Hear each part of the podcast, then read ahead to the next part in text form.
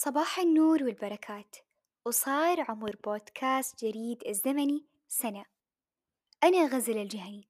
أقدم لك نشرة الجريد للحياة بتاريخ اليوم 24 شعبان 1442 جهز كوب مشروبك المفضل واستمتع بنشرة الجريد للحياة كل يوم ثلاثاء. لجودة حياة تبدأ من الفرد إلى المجتمع.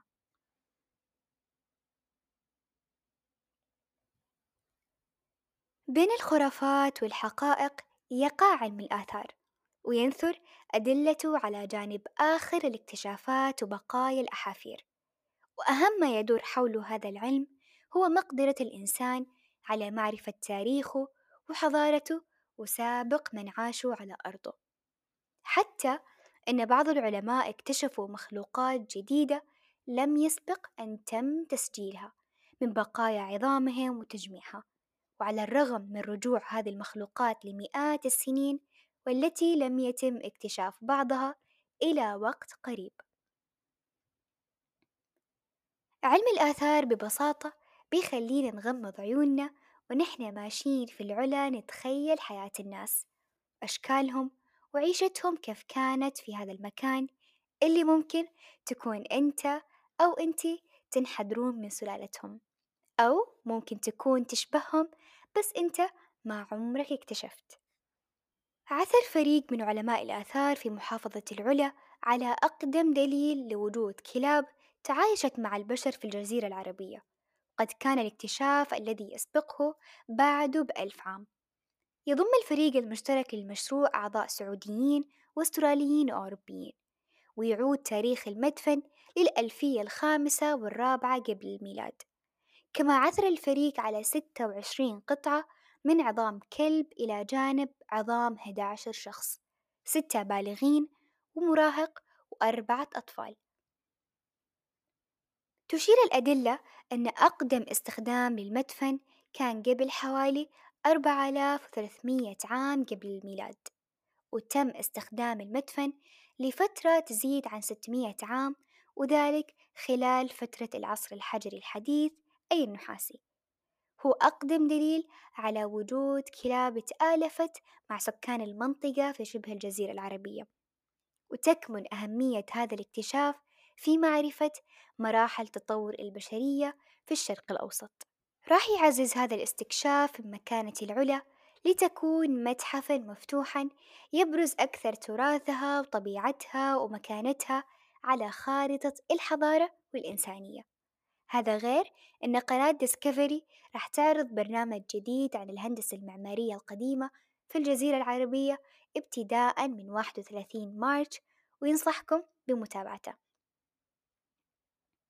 لا تنسى تشارك النشرة مع صاحبك اللي يسرد لك القصص التاريخية بالخط.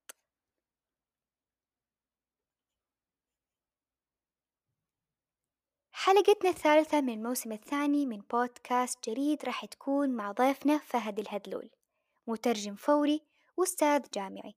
راح يساعدنا نفهم عالم الترجمة بشكل أكبر وعن قرب. كيف تأثر الترجمة على جودة الحياة ودور المترجم في تصدير الثقافة وجذب الاستثمارات؟ صديقنا الرهيب أنت تسمع الحلقة قبل موعد نشرها الرسمي ورأيك يهمنا. وما تخلى نشرتنا من بعض التوصيات ولأننا مقبلين على فترة اختبارات جهزت لنا رهف خمسة وصايا لزيادة التركيز.